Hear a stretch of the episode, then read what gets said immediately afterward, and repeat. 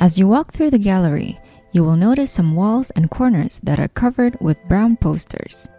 There are some writings in bright yellow printed on the poster. Take some time to read the writing.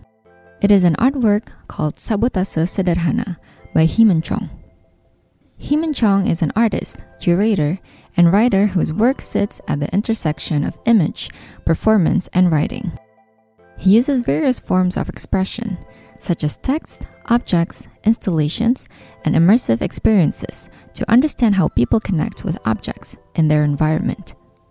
Sabotase Sederhana originated from a once classified document called the Simple Sabotage Field Manual that was created to describe subtle tactics for undermining the Axis powers from within during World War II.